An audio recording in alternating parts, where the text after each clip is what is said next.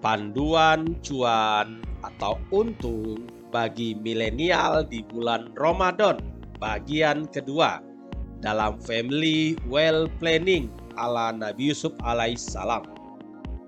Wisdom dari founder komunitas Nabi Yusuf alaihissalam, Bang Budi Hikmat. Sahabat, Ramadan di masa pandemi sudah tahun kedua kita jalani Artinya, pandemi menjadi sebuah rutinitas. Sama seperti rutinitas kita dalam menabung, sehingga menjadi saving society alias masyarakat gemar menabung. Harusnya dari saving society sudah saatnya kita menuju investing society alias masyarakat gemar berinvestasi.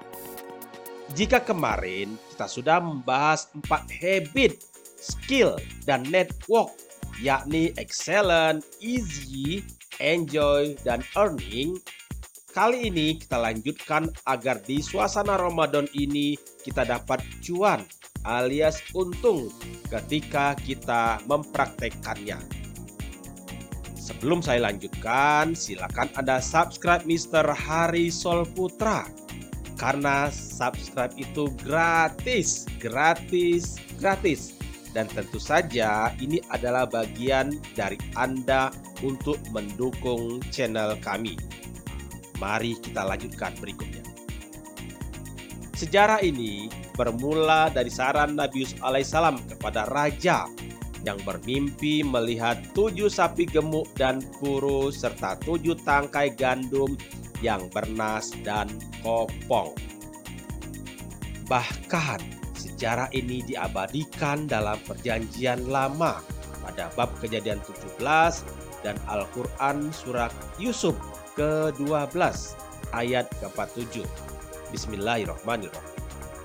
Dia, Yusuf, berkata, agar kamu bercocok tanam tujuh tahun berturut-turut sebagaimana biasa. Kemudian, apa yang kamu tuai hendaklah kamu biarkan di tangkainya, kecuali sedikit untuk kamu makan.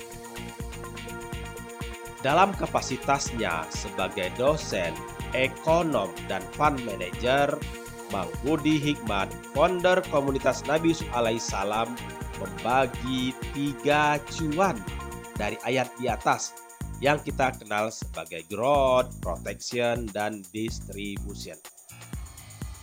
Mari kita bahas satu persatu sembari menanti beduk maghrib menjelang berbuka.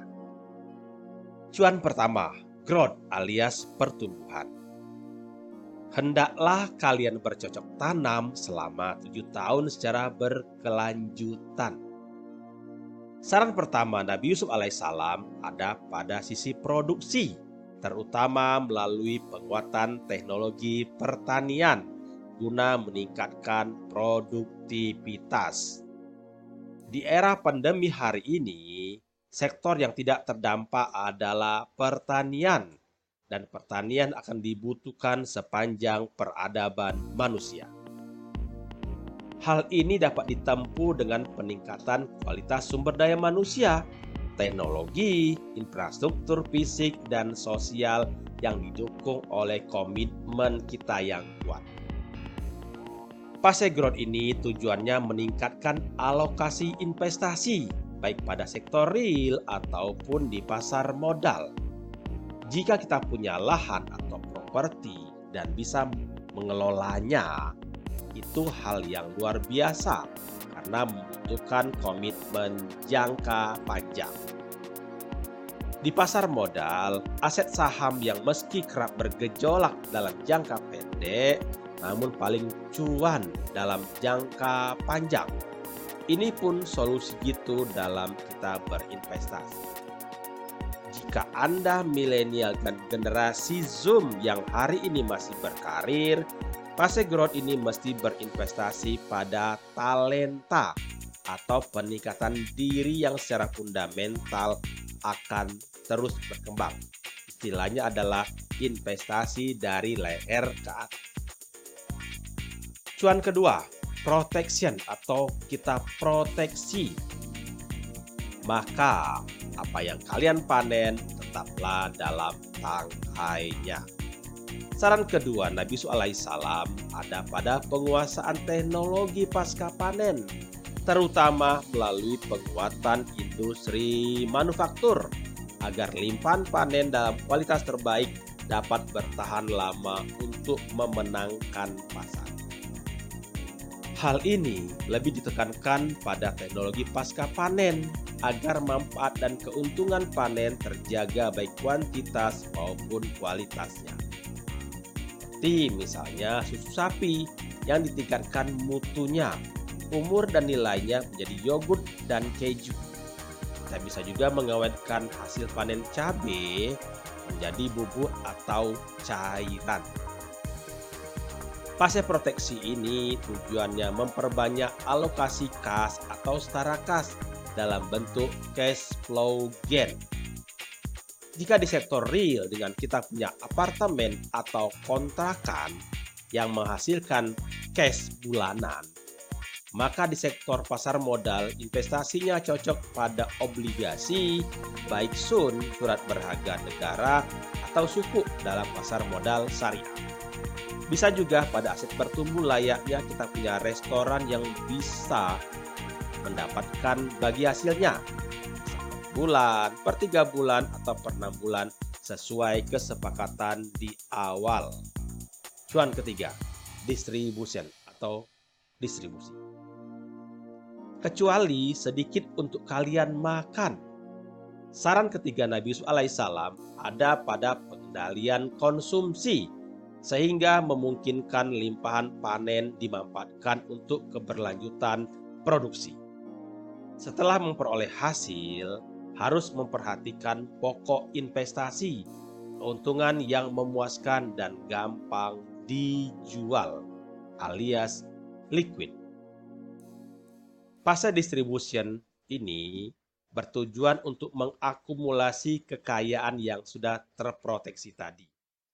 Artinya, walau kita mendapatkan cash flow gain tadi, tetaplah diinvestasikan ulang hingga sampai tahap didistribusikan secara berkala yang sepadan dengan kebutuhan jika kita tidak lagi dapat atau mau bekerja alias pensiun. Fase ini sejalan dengan konsep family well planning di mana money work for us, not the other way around.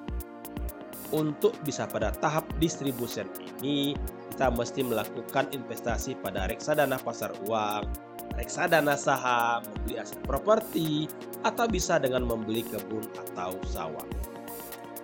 Intinya, baik di level makro atau economic management dan life cycle investing oleh Nabi Yusuf alaihissalam bisa kita terapkan dalam kehidupan diri sendiri, keluarga, dan bernegara. Sahabat, siap praktek tiga cuan ala Nabi Yusuf alaihissalam. Saya, Hari Sol Putra, Managing Director Wellflow 19 Teknologi, founder DOI Daya Optimasi Institut Motivator Keuangan Indonesia. Terima kasih sahabat sudah menyaksikan video dan audio ini. Jika Anda setuju dengan pesan ini, silakan Anda subscribe Mr. Hari Sol Putra. Anda like, Anda komen, dan Anda share seluas-luasnya kepada seluruh jaringan Anda. Terima kasih.